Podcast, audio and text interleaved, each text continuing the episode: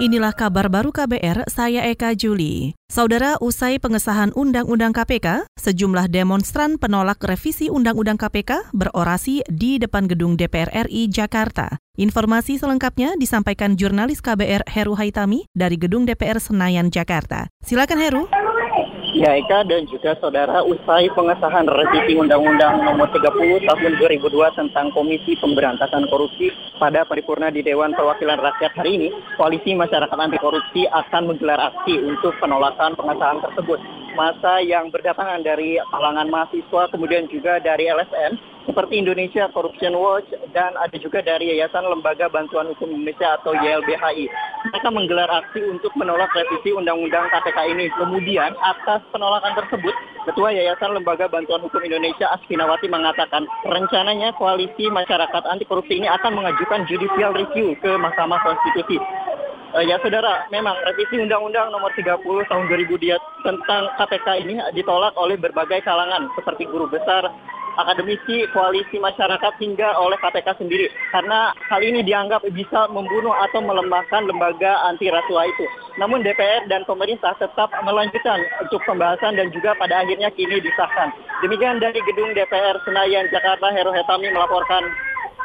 Dari gedung DPR kita ke gedung KPK, Komisi Pemberantasan Korupsi memanggil tiga bekas pejabat Garuda Indonesia dalam kasus suap pengadaan pesawat. Selengkapnya disampaikan reporter KBR Astri Yuwanasari. Saudara Komisi Pemberantasan Korupsi KPK memeriksa tiga orang bekas pejabat PT Garuda Indonesia dalam kasus dugaan suap pengadaan pesawat dan mesin pesawat yang menjerat bekas Direktur Utama PT Garuda Indonesia Emir Syah Satar.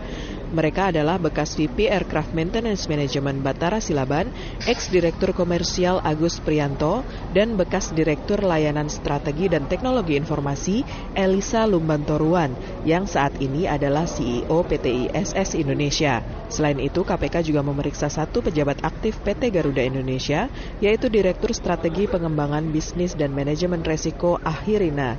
Dalam perkara ini, Emir Syahsatar bersama Direktur Utama PT Mugi Rekso Abadi, Sutikno Sudarjo, ditetapkan sebagai tersangka sejak 16 Januari 2017. Emir Syah diduga menerima suap 1,2 juta euro dan 180 ribu dolar Amerika Serikat atau senilai total 20 miliar rupiah serta dalam bentuk barang barang senilai 28 miliar rupiah yang tersebar di Singapura dan Indonesia.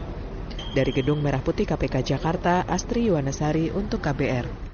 Kita ke informasi lain. Kementerian ESDM menyatakan konsumsi minyak bumi di Indonesia setiap harinya masih bergantung pada impor. Direktur Aneka Energi Baru dan Energi Terbarukan Kementerian ESDM, Haris, menjelaskan dalam sehari konsumsi minyak sekitar 1,5 juta barel per hari. Nilai tersebut tidak sebanding dengan jumlah produksi dalam negeri yang hanya berkisar 800 ribu barel per hari. Bukan berarti minyaknya kita maksimalkan, oke lah minyak masih ada, tetapi jangan kita terlalu mengandalkan lagi ke minyak karena minyak kita udah turun turun terus gap antara yang disediakan sama yang dibutuhkan itu semakin hari semakin membesar itu harus kita lihat Direktur Aneka Energi Baru dan Energi Terbarukan Haris khawatir Indonesia bakal krisis jika suplai minyak dari luar negeri terhambat Sementara itu, sebagian suplai minyak Indonesia berasal dari Arab Saudi. Terlepas dari ketergantungan impor, Haris juga mendorong masyarakat beralih ke sumber energi terbarukan, seperti matahari.